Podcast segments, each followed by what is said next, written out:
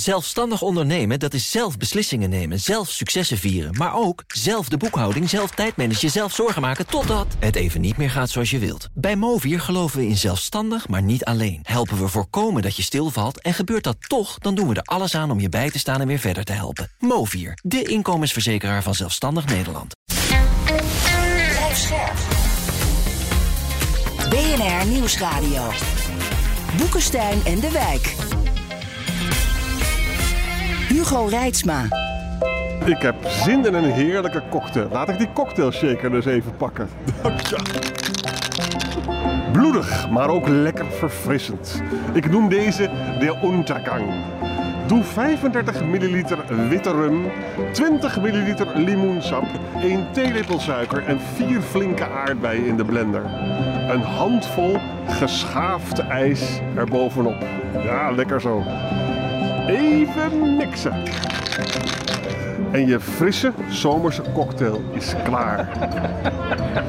Oké, nog een keer. We gaan het weer doen. Na een zomer aan het zwembad, misschien wel met Arend Jans vermaarde geopolitieke cocktailrecepten onder handbereik, zijn Boekenstein en de Wijk nog steeds op zoek naar de nieuwe wereldorde. Vandaag in de BRICS, het blok opkomende landen dat wordt uitgebreid en zich lijkt op te stellen tegen het Westen. Met de gast Ron Keller, oud-ambassadeur in Rusland en China en voormalig adviseur van de G20. Welkom. Dank.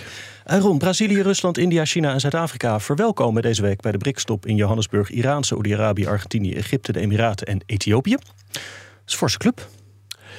Ja, het is bijzonder dat ze na 15 jaar met z'n vijven te zijn geweest, dat ze nu ja, gaan uitbreiden. Dat op zichzelf is, is, is, is het overdenken waard. En daarom zitten we denk ik ook hier. Ja. Uh, het zijn zes landen. Ja, het lijkt een beetje op een, een, een willekeurige greep uit, uh, uit de verzameling van landen die we hebben op deze aarde. Op de kaart is het zit een beetje... een verhaal achter hoor, maar... Denk ik. Uh, ze hebben mij er niet over gebeld. Maar ik denk dat er wel een verhaaltje achter zit. En het is een eerste stap, hè? Het is, Er zijn meer gegadigden. Ja. Nou ja, en er zijn vooral meer ambities om die, om die, club, om die BRICS-club wat groter te maken. Ja, waarom doen ze dat? Ja, ik denk, ik denk um, dat, het, uh, dat het helder is dat sinds hè, die BRICS-club is ooit opgezet... moet ik eigenlijk, als ik mag teruggaan naar de geschiedenis van die BRICS-club... die is zo'n 15 jaar geleden opgericht. Eigenlijk door landen die zeiden van... goh, wat hebben we, zullen we eens een keer met elkaar overleggen? Heb jij nou ook dat jij steeds meer het gevoel hebt... dat je in de wereldeconomie groter wordt... en dat je ook belangstelling krijgt van westerse landen... van investeerders, mensen die handel willen drijven. Dus kortom...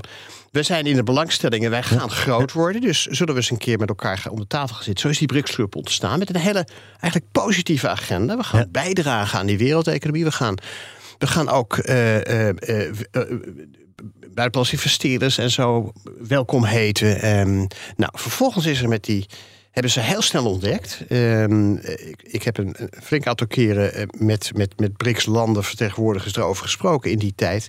Die zeiden van ja, het valt eigenlijk tegen. We hebben zo weinig met elkaar gemeen. Hmm, hmm. Ze liggen ver uit elkaar geografisch. We hebben eigenlijk geen handel onderling. Ja. We hebben ook eigenlijk wel een zekere rivaliteit met elkaar. Dus die club ah. is niet zo als club, hè, wat ze nou gezamenlijk hebben, niet zo heel erg succesvol geweest die club is blijven bestaan. Zo gaat het meestal. Hè? Mensen schaffen hun clubjes niet zo gauw dat, dat af. is zo, ja. Um, en anderhalf, sinds anderhalf jaar, zoals we weten, en dat weten luisteraars aan deze podcast uh, als geen ander, uh, zijn we in een hele andere geopolitieke situatie gekomen dan we, dan we hadden gedacht ooit. Um, en hebben we de oorlog in Oekraïne, hebben we de toch sterk toenemende rivaliteit tussen China en de VS. En nu zie je dat twee van die BRICS-landen hebben gezegd: we zouden die BRICS, dat BRICS-clubje moeten gebruiken om uh, wat tegenwicht te bieden aan aan, die, aan die westerse druk. Hè, zowel de druk die Rusland voelt in die oorlog uh, uh, in Oekraïne, als de, de Chinese ervaringen met de VS. En China ziet ook dat de VS erin slaagt om meer en meer Europese landen aan zijn kant te krijgen. Hè. Nederland, mm. ASML, we kennen dat verhaal. Mm. Dus China heeft gezegd: we, we moeten die BRICS-groep ook wat groter maken. Als de Amerikanen, de Europeanen, zeg maar, voor hun karretje gaan spannen, om het zo maar te zeggen, dan, dan, dan kunnen wij, dan, dat, dat kunnen wij ook. En dan gaan wij dus ook een, uh, een clubje groter maken. De Russen, die natuurlijk het idee hebben van we zijn wel erg geïsoleerd. Ja. Weinig landen steunen ons echt. Die hebben ook het idee van ja, hoe, hoe, hoe, meer we internationaal gezien worden bij de andere landen, hoe minder het opvalt dat we eigenlijk geïsoleerd ja. zijn. Dus die hebben beide belang gehad. Zullen we de club groter maken? Hebben 67 landen uitgenodigd. Daar zijn er dan van zes eigenlijk die dan nu binnenkort een eerste stap maken op weg naar een toetreding. Het is allemaal nog heel erg op kousenvoeten, maar het is er wel. Ja, Rob, uh, jij bent van afstand bij ons. Je zit nog aan het zwembad. Jij sloeg wel aan op deze uitbreiding deze week, hè? Ja, ik vind het wel historisch. Kijk, omdat het uh, toch zegt, nou ja, dat zegt, uh, is feitelijk wat Ron ook zegt. Er is wat aan de hand geopolitiek. Kijk, en in de internationale betrekkingen, als een, uh, een land in achting stijgt, de macht toeneemt, in dit geval China, en in de perceptie van een aantal landen het Westen zwakker wordt, dan zie je gewoon dat er bewegingen gaan ontstaan. En een aantal landen ziet nu gewoon zijn kansen schoon. En zegt van laten we maar eens een keer wat beter gaan samenwerken. Want uh, wij willen een aantal zaken internationaal gaan veranderen. Dat kun je veel beter doen. Wanneer je dat gezamenlijk doet. Hè. Bijvoorbeeld uh, de problemen die er zijn met het IMF, met de Wereldbank. die te veel het Westen zouden bevorderen. Ja, dan krijg je gewoon dit soort dingen. Ik denk dat de Oekraïne-oorlog echt een katalysator daarin is geweest. Ik vind weet je, het idee als tegenmacht tegen het Westen ik geloof wel in die theorie dat het duidelijk is. En met name China zit er heel erg achter. China wil een veel groter blok. Wat mij een beetje verbaast is de houding van Brazilië en van India. India heeft van tevoren gezegd van nou, we willen ook wel een beetje open blijven naar het westen. Hm. Kennelijk is het zo, en dat is, maakt het moment nog historisch hier, dat dus al deze landen vinden echt dat de tijd voorbij is dat het Westen de regels bepaalt. Ja. En dat is voor India ook. Ik heb veel Indiaanse studenten en ik hoor dat ook heel erg van ze die, die hebben daar tabak van. Hè? Want dat wij altijd maar met onze wijsneuserijen mm langskomen. Ik vind wel, we moeten ook de, de grote verschillen tussen die landen uh, laten zien. Hè? Bijvoorbeeld het idee van de-dollarisatie en een eigen BRICS-munt. Mm Jongen, als je kijkt naar de, naar de kracht van deze landen en de, de diver, economische divergentie tussen deze landen is veel groter dan in bij de euro. En bij de euro is die al mhm. behoorlijk groot. Mhm. Hè? Dus daar moeten we misschien nog even een pas op de plaats maken. Hè? Ja. Ja, ik ben het er, G20. ben het er erg mee eens. Nou, de G20 is het probleem dat uh, probleem dus voor, voor China en Rusland dat daar dus ook westerse landen in zitten. Hè? Dat, dus dat is uh, dat, dat ja. dus dit is nadrukkelijk bedoeld als een clubje waar de Westen nou eens een keer niet in zit. Ja, hè? Dus ja. dat is dat is het idee. En dat clubje, hoe groter dat is, hoe machtiger en groter dat is. We hebben natuurlijk, dat is wel interessant als je naar de geschiedenis terugkijkt. Uh, dan weten we, Bandung-conferentie 1955, dat gaat wel heel ver terug. Maar toen is er eigenlijk een, een beweging ontstaan die nog steeds op papier bestaat. Ja. De organisatie van niet, niet gebonden landen. 120 landen zijn daar lid van. Ze hebben een kantoortje in, in, in, in New York. In 61 echt opgericht door Joegoslavië. Dus er was toen ook al het idee, in die Koude Oorlogperiode... we gaan eigenlijk een club oprichten van landen die... nou ja, een andere club, om het zo maar te zeggen. Hè. Maar dus je zou zeggen, ja, waarom hebben ze dat niet gebruikt? Maar ja, eh, eh, ze hebben toch het idee gehad... we moeten vanuit onze huidige positie van vijf machtige landen... Ja. Uh, willen we, willen we, uh, we willen toch ook een beetje aan het, aan het stuur blijven. Dat is natuurlijk het dubbele. Hè? Dat is waarom India niet zo happig is geweest op die uitbreiding. Die zei, nou hebben we mm -hmm. eigenlijk eens 20% van het stemmengewicht zeg maar, in die BRICS. Ja. En dan gaan we er weer andere... Dan verwatert dat weer. Hè? Dus die houden ja. daar niet zo heel veel... Een beetje lange tanden en zo. Maar reken maar dat India dus ook... Het is altijd leuk om vanuit Indiaanse bril naar de wereld te kijken. Hè? Engeland en Frankrijk zitten in de veiligheidsstaat. Permanent. Ja. Dat moet toch voor een Indiër een godspe zijn? Ja, maar tegelijkertijd, Aartjan... Ik zat een, een half jaar geleden in een grote conferentie... Uh, hier in Wassenaar overigens... Um, over uh, een India, door India uh, georganiseerd. India is G20-voorzitter op dit moment...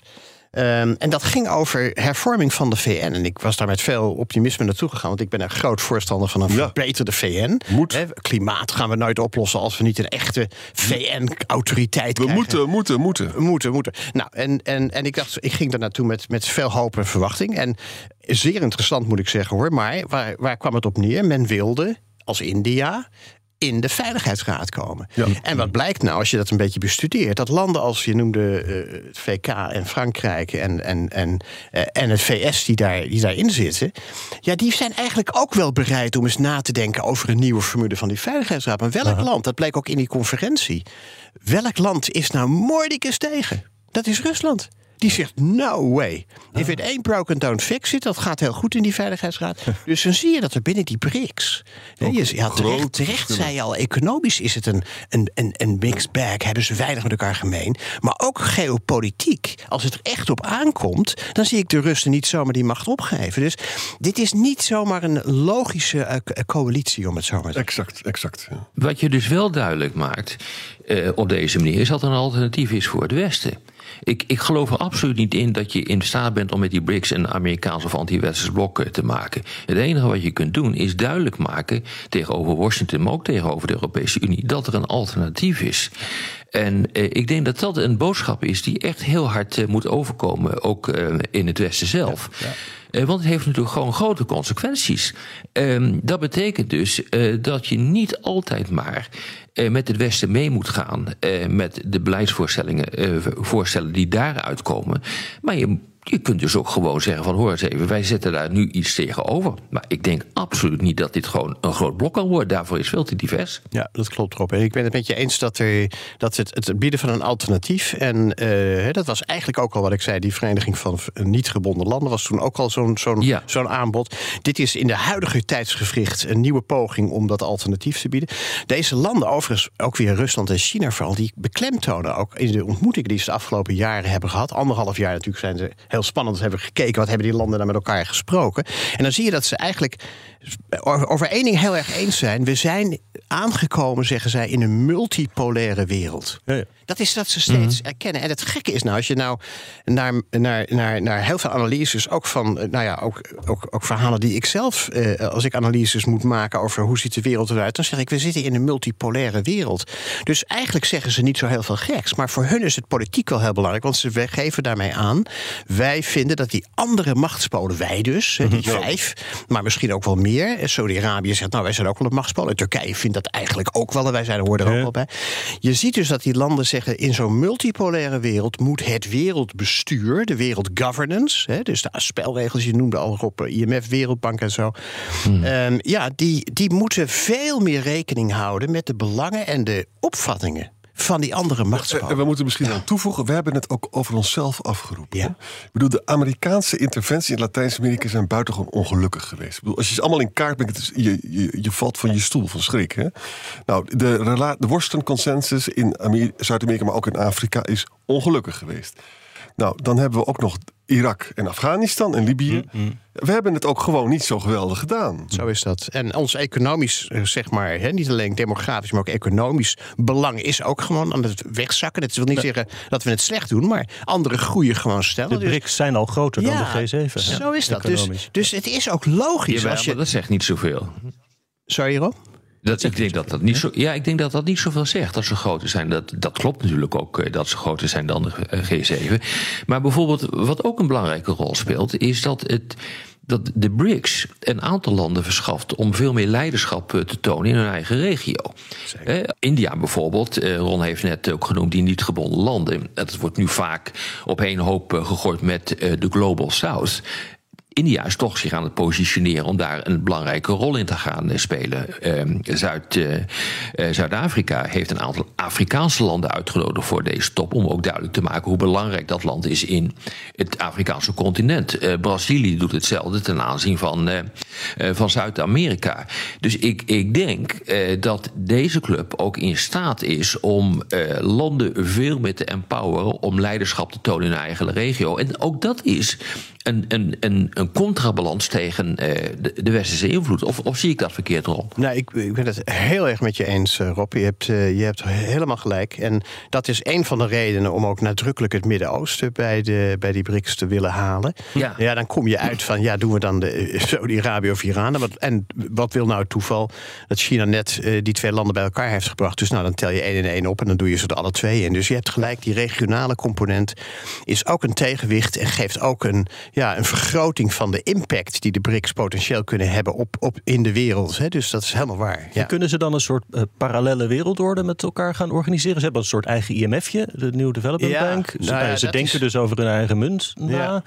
Krijg je zoiets? Een, een, parallel systeem? Ja, heel technisch. IMF en, en, en ontwikkelingsbanken zijn totaal verschillende beesten. Hè. De IMF is een monetaire organisatie en banken zijn, zijn uh, overdracht van besparingen. Dat, zijn, dat, is, dat is een totaal andere economisch gezien. Maar dat is weer heel technisch. Maar ze hebben een alternatief voor de Wereldbank, eh, de Wereldbank, op, ja. op willen opzetten. Dat is nog niet heel veel. eh, veel- ook daar vinden ze dat hè, het Westen te veel voorwaarden in de, in, de, in de leningen van de Wereldbank heeft verwerkt. Over milieu en over mensenrechten. Er zijn nog maar heel weinig landen lid van die club. Maar Hm. terecht, Hugo, dat je erop wijst dat als je andere instituties gaat opzetten naast de bestaande, of alterna- als alternatief voor de bestaande, want dat is precies zoals Rob en, en dat dan ook verwoorden.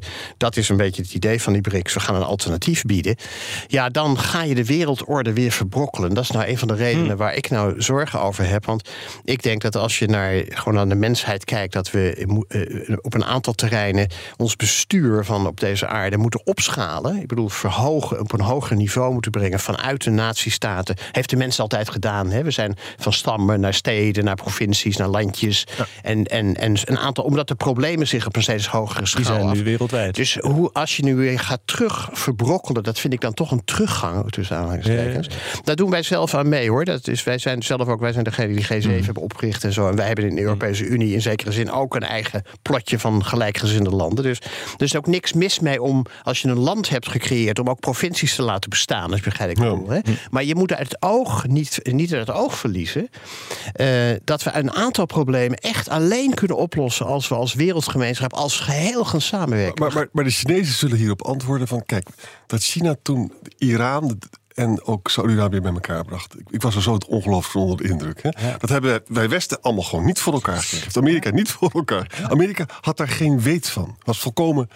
Dat betekent natuurlijk wel... Dat is echt machtsverval. Ja. Vind je niet? Ja, en het is voor China een enorme stap voorwaarts. Want ze hebben natuurlijk t- 4000 jaar een heel inward-looking naar binnen gekeerd. Op het arrogante af, eh, zeg maar, blik naar de rest van de wereld gehad. Dat ze nu opeens, hè, ze zijn eigenlijk heel erg onbekend met het bemiddelen, met Ja. het naar buiten toetreden. Dat, ze dat, dat is een enorme stap voor hen. Hè. Het geeft enorm veel zelfvertrouwen voor China. Van kijk eens even wat wij dat hebben kunnen. Dus het werkt aan twee kanten. Ons verval, maar ook hun versterkte zelfvertrouwen. Ja. Nou ja, maar jongens, maar dat houdt ook een groot gevaar in voor China. Kijk, ik heb nog eens even gekeken van hoe populair China is in die BRICS-landen. Nou, eh, de, de, als, je, als je kijkt naar India, 67% van de bevolking ziet China niet zitten. Eh, de defensieprogramma's van India worden gedreven door angst. eh, voor China, Ja. waarmee ook een aantal grens- grensoorlogjes zijn uitgevoerd. Ehm, eh, de Chinezen die kijken naar India en die zeggen: ja, jullie zitten ook in de Quad. De Quad is een eh, club met Amerika, Australië en Japan. Eh, vier landen zitten daarin. En die eigenlijk weer een machtsbalans moeten vormen eh, eh, tegen China. Dus eh, je, je kunt volgens mij alleen maar in deze club. Eh, samenwerken op een aantal heel beperkte gebieden waar je het over eens kunt eh, zijn. En om je ruimte te pakken ten opzichte van het Westen. Dus een, een echt blok kan dit ook niet, eh, niet worden. Want er zit gewoon veel te veel animositeit. En je gaat toch niet, laten we zeggen, de ene koloniale macht, zoals het in dat jargon heet, Amerika inruilen tegen een andere China. China, dat doe je toch niet? En Amerika heeft ook direct gereageerd. Hè? Dus een heel pakket met Saudi- Saudi-Arabië, zowel defensie als kerncentrales, meen ik. Hè? En India wordt ongelooflijk gepaaid door de Amerikanen. Ja, ja, ja. Nou, Ook India zit. met- Ik ben het Ja. weer met Rob eens. Ik denk dat het eh, helder is dat hun gezamenlijke agenda eigenlijk nog dun is. Ja. En, en vooral een anti is. Ehm, eh, want zelfs Ja. dat alternatief wat men dan biedt, dat, ja, wat is dat dan precies qua governance? Er is geen alternatief. Nee, er is niet echt een alternatief. Dus eh, eens dat ze vooral een hindermacht willen zijn, dat is op zichzelf een ernstige beperking. Het is wel een, een serieuze beperking, maar het is, wel een, het is wel een beperking voor de club zelf. En het is ook waar dat er inderdaad grote rivaliteit tussen die, tussen die landen is. Neem nou het feit dat Argentinië hier lid van gaat worden. Dat de Argentijnen waren al, weet ik uit, uit het, mijn eigen verleden, die waren 15 jaar geleden al woedend dat Brazilië er wel in zat en zij niet. Nu zijn Argentinië, eh, eh, ze heeft natuurlijk al middels gezegd, oh wij willen er graag bij horen. Eindelijk kunnen we er ook bij horen. Maar dat Brazilië en Argentinië zijn op zichzelf concurrenten als het gaat Ja. om het leiderschap in Latijns-Amerika. Dus de rivaliteit China-India is dramatisch. Ik heb in.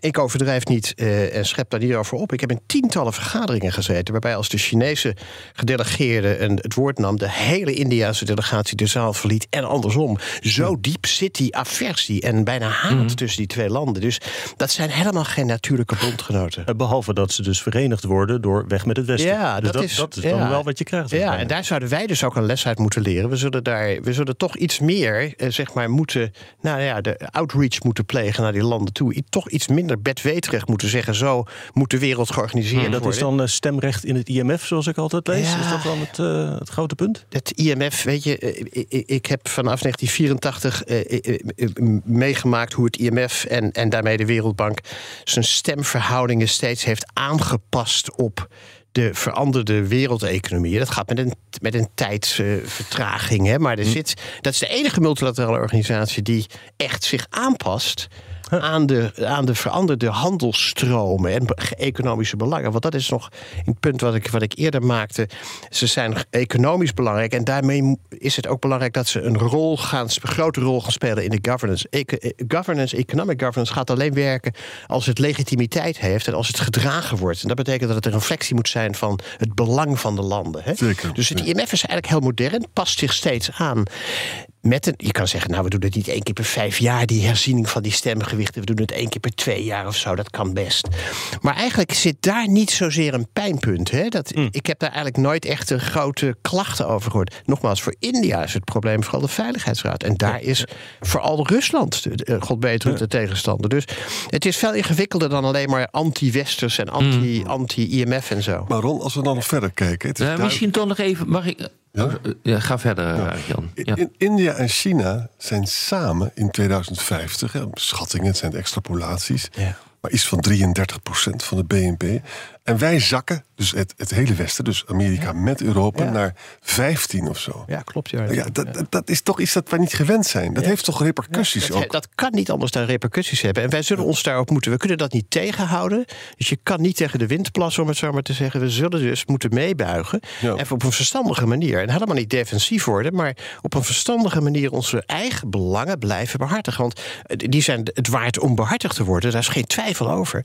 Maar we zullen dus slimmer moeten zijn. In, we kunnen ons niet steeds op het verleden baseren. Dat Nee. klopt, uh, Aartjan. Ja. En eigenlijk zou dus een Europese Ja, en minder in de ideologisch en moralistisch. Ja, dat Ja, zeker. Zeker, dat zeker. Heel erg eens. Ja, ik denk dat dat een groot probleem is. Kijk, en, eh, eh, net zei je, net, net zei je eh, Ron, van eh, ja, die Wereldbank, IMF met name, eh, die past zich aan. Helemaal mee eens. Maar tegelijkertijd hoor je natuurlijk uit die landen, ja, maar de eisen die dit soort instituties stellen. En dan eh, eh, zie je iedere keer weer dat het woord neoliberaal oppopt. Die zijn veel te hard. En dat is in eh, menging in de binnenlandse aangelegenheden van deze landen. Ja, weet je, eh, dus ik denk dat ze die, die regels willen Ja. versoepelen. Dat lijkt me trouwens ook onverstandig, want wie wil dan zijn geld in zo'n land eh, gaan dus die stoppen? niet maar niets, de inderdaad. Chinezen doen natuurlijk hetzelfde. De Chinezen met de schuldpolitiek, die doen precies hetzelfde. Eh, die, die hebben overal schulden uitstaan. Als je niet terug kan betalen, dan zwaait er ook wat. Zo is dat. Dat is helemaal waar, Rob. Ja, helemaal eens daarmee. En weet je, eigenlijk zou je wat aan dat westerse eh, overrepresentatie wat willen doen. Nou, dan kom je heel gauw bij een Europese zetel in de Veiligheidsraad. Maar dat kan niet door Brexit. Brexit is zo'n hopeloze daad. hè? Ja, nou ja, ook zonder brexit kunnen we, kunnen we doen als we willen. Als er een visie is en een wil, dan kunnen we dat ook zonder het VK doen. Dat is dan jammer, maar dat, we kunnen het. We zijn niet helemaal daarmee zeg maar hoop, hulpeloos geworden. We hebben nog steeds een verantwoordelijkheid om zo te denken. Ik Fransen- overtuigd. Zouden de Fransen toe bereid zijn? Nou, dat is, dat is dus een deel van het probleem. Maar zouden de Nederlanders daartoe bereid zijn? Zijn wij bereid om ons leger op te geven, ons ministerie van Buitenlandse Zaken op te Ik ben ervan overtuigd dat Europa een, een eenwording, verdere eenwording van Europa op defensie en buitenlandse zakengebied, een absolute must is, een urgente zaak is. Zo kunnen we niet verder gaan met 27 ministers van Buitenlandse Zaken en meneer Borrell. We zijn de laughingstock van de wereld op deze En als manier. Trump wordt herkozen, dan gaat dat proces versnellen. Nou, ik hoop dat dan maar. Dat is dan het enige voordeel van het geheel. Ja. Het zou aardig zijn. Op de radio ronden we alweer af, maar in de podcast gaan we langer door met luisteraarsvragen. Luistert u op de radio, dan verwijs ik naar boekensteinendewijk.nl of uw favoriete podcast-app. En wij hebben hier Dick Jansen. Die zegt: De BRICS-landen willen onder andere van de dollar als reserve currency af. De wijk schrijft hieronder, met een screenshot naar een boek van de wijk kennelijk, dat verlies van vertrouwen in de dollar voor de VS desastreus zou zijn. Waarom en dreigt dit werkelijk? Nou, Rob, geef ik jou maar het woord. Nou, op dat. Ja, het, het is al aan de gang. Eh, je ziet dat eh, steeds meer eh, eh, schulden worden afbetaald in bijvoorbeeld eh, die Chinese munt. Dat gebeurt nu al. Eh, dat geldt voor een aantal eh, landen die nu bij de BRICS komt eh, zeker. Dat doen de Verenigde Arabische Emiraten al. Dus je ziet dat proces aan de gang eh, is. Eh, dat geldt ook voor de relatie tussen China en eh, Rusland. Dat wil niet zeggen dat dat super hard gaat. Eh, maar realiseer je dat, en daarom heb ik dat toen ook opgeschreven, dat dit niet zozeer een effect is van de BRICS, maar het is een effect van de sanctiepolitiek van Amerika. Kijk, landen zijn toch echt vet up. Eh, dat al die financiële transacties, eh, of niet een groot deel van de financiële transacties, die gaat in dollars. En dat betekent dus dat al die financiële transacties door juridisch door Amerikaanse banken moeten lopen. Ook al zijn dat transacties tussen derde landen.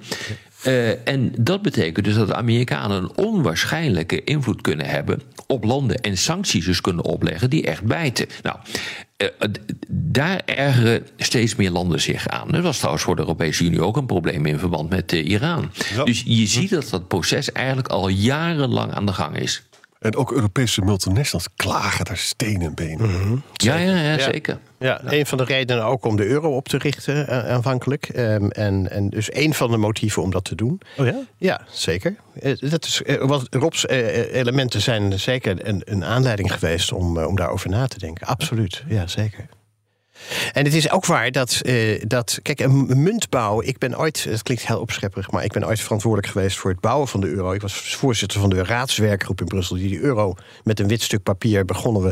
En een half jaar later hebben we dat, dat, dat, dat, dat afgeleverd, wat er nu ongeveer is.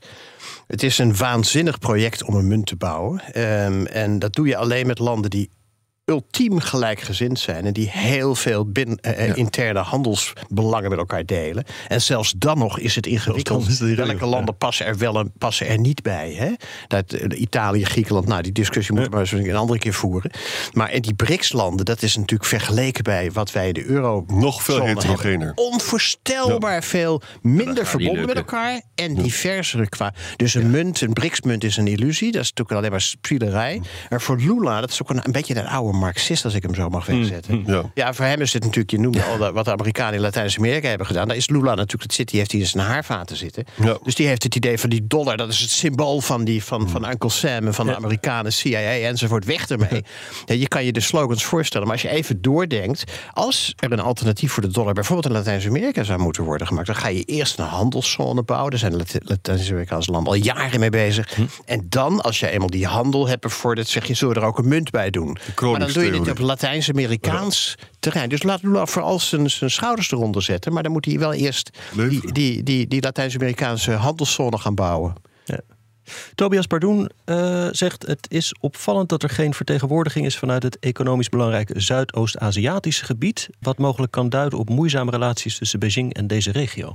Uh, Klopt. Ja, dat zou zomaar kunnen. Ja. Hmm. Dat zou zomaar kunnen. Ja, een land dat genoemd, dat genoemd werd als potentieel kandidaat voor die BRICS-uitbreiding was Indonesië. Heb je niets meer van gehoord. Er zijn heel veel landen genoemd uh, door, door de, de vijf landen, vooral door China.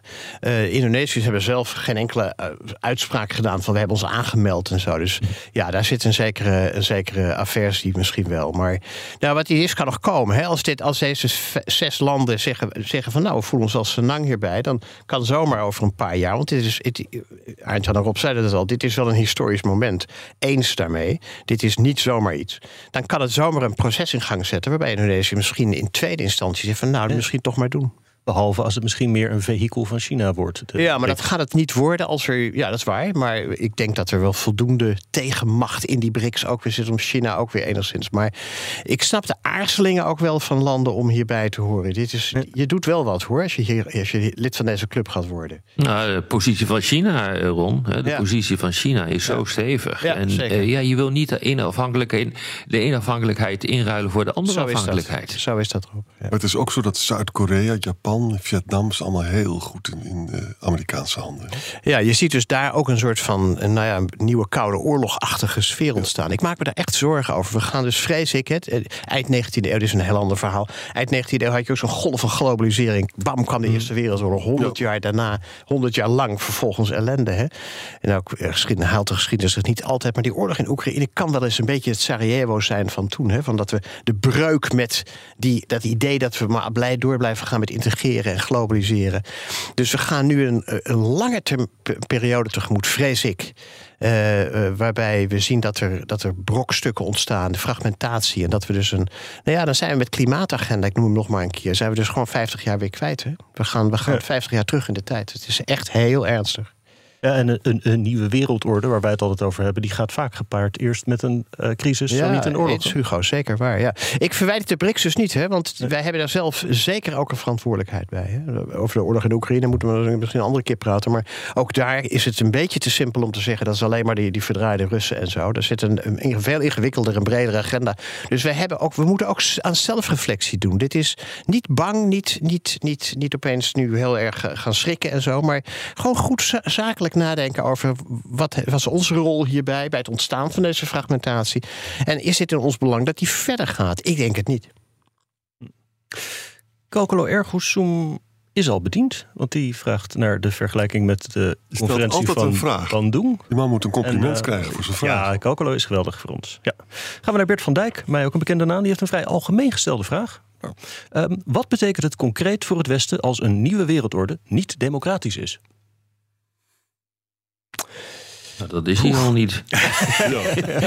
Als je kijkt Nou naar ja, het aantal, het is maar hoe je dat landen. hè? Als je kijkt, naar- ja, ja, het- als je kijkt naar het aantal landen dat echt democratisch is, dan is dat eh, de afgelopen pak- bijna twintig jaar gestaag afgenomen. Er zijn natuurlijk nog wel een hele hoop democratisch eh, geregeerde landen. Maar het, het interessante hiervan is dat de democratie en autocratie nu in één club zitten, genaamd de BRICS. Ja. En dat maakt het toch lastiger. hoor. Ja.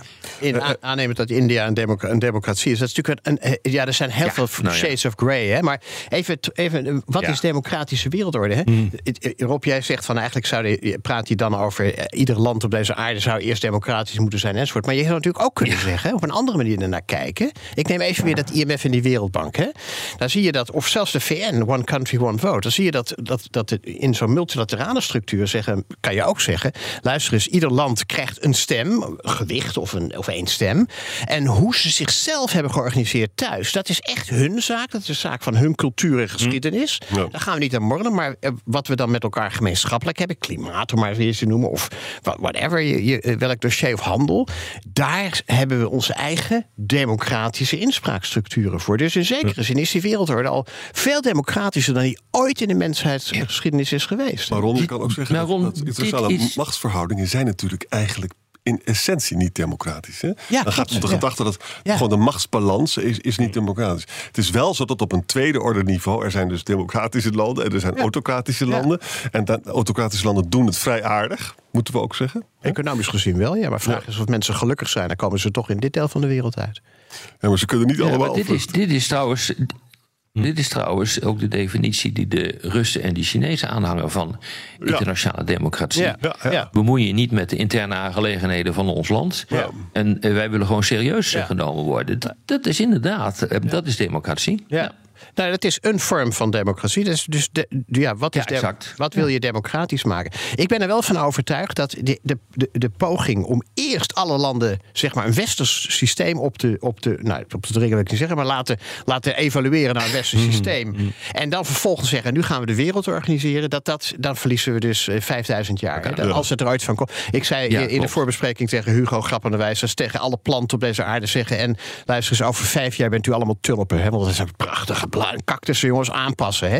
Dus dat, dat, dat gaat hem niet worden. Het is eigenlijk een interessante parallel, bedenk ik net. Van, in bij het Weense congres in de 19e eeuw had je dus de legitimisten. Hè? Met andere woorden, alles was goed. Als maar de prins en de koning op zijn plaats bleef zitten. Ch- China denkt precies zo. Hè? Van alles is goed en Poetin ook. Ja. Als ik maar gewoon daar blijf zitten. Maar denken wij anders? Wij vinden toch ook dat de wereld van alle kanten op moet gaan. Maar als er maar niet iemand zegt dat Nederland naar een tribaal systeem moet. Ja. Wat, denken, wat, denken, wat denkt Afrika wel niet? Ik heb ooit toen ik directeur-generaal ontwikkelingssamenwerking had... een rapport van een aantal Afrikaanse landen gehad. Had Jan Pronks gevraagd. Schrijf eens een keer een aanbeveling over Nederland. En die hadden een aanbeveling dat ze met de Waddeneilanden... moesten we, heb ik veel, moesten we eh, een soort van tribale bestuursstructuren maken. Geweldig. En dat werd door iedereen, ja, ik zie jullie ook glimlachen. Dat werd dus weggelachen hier. Maar let op, dat doen wij dus ook in Afrika. Maar dan idee. andersom, hè? Ja, ja, dat Ja. doen we, ja. Ja. Mooi verhaal. Sluiten we af met eh, ja, eh, Kees van Harten, die een beetje min of meer vraagt: eh, wat moeten wij in Europa met dit alles?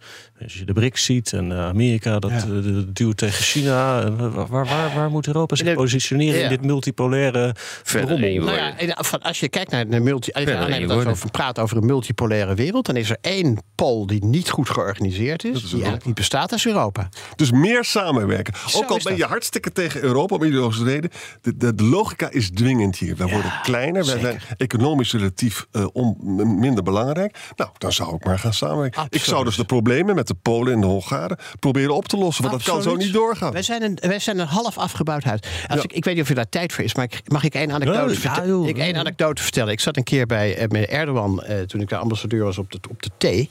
En die begon enorm weer uit te vallen over het feit dat de Europese Unie steeds maar eh, Turkije aan een lijntje hield. En, en ik was een beetje, op dat moment een beetje daar fed up mee. En ik zei, mag ik u een, een vraag stellen? Bent u, wilt u eigenlijk wel bij de Europese Unie worden? Ze zei, natuurlijk wil ik daar heel graag bij horen. Dat, u houdt ons maar eh, op afstand, maar natuurlijk zouden wij willen toetreden. Ik zeg, weet u dat nou zeker? Hij zei, nou, hoe bedoelt u dat nou? Ik zei, nou, ik zal u een, een anekdote vertellen. Er gaan zes mensen gaan een huis bouwen. Nou, dat kon u zich wel voorstellen. Ik zeg, maar die zes die spreken niet met elkaar af wat voor huis het gaat worden. Oh, ik zeg, nou ja, het nog erger. Je zou verwachten dat ze een bouwplan hebben. We gaan eerst dit doen, en een fundament, en dan gaan we een trap, en dan gaan we een muur en zo. Er is ook geen bouwplan. Ik bedoel, er wordt aan het fundament gewerkt, terwijl sommigen zeggen, ik ga het dak er vast op leggen. Dat is die euro, hè, die ik dan even in mijn gedachten had. We gaan het dak er vast opzetten, er staan er niet eens muren. Wat is dat nou? Nou, Erdogan werd al een beetje ongemakkelijk. Ik zeg, maar weet u, meneer Erdogan, er zijn niet zes van deze verdwaalde bouwvakkers bezig, maar er zijn inmiddels 27 bezig. En nou wilt u er ook nog bij horen? Toen kreeg, brak er een glimlach bij hem door. Dat gebeurde niet vaak. En toen zei hij, meneer Keller, weet u wat we doen? Wij nemen nog een kopje thee. en Turkije wacht nog even. Dit was weer Boekenstein en de Wijk. Namens Arend-Jan Boekenstein en Rob de Wijk zeg ik dank voor het luisteren. Speciale dank aan Ron Keller voor dit fijne gesprek. En fijn weekend. Dank. Zelfstandig ondernemen, dat is zelf beslissingen nemen, zelf successen vieren. Maar ook zelf de boekhouding, zelf tijdmanagen, zelf zorgen maken... totdat het even niet meer gaat zoals je wilt. Bij Movier geloven we in zelfstandig, maar niet Helpen we voorkomen dat je stilvalt en gebeurt dat toch... dan doen we er alles aan om je bij te staan en weer verder te helpen. Movier, de inkomensverzekeraar van Zelfstandig Nederland.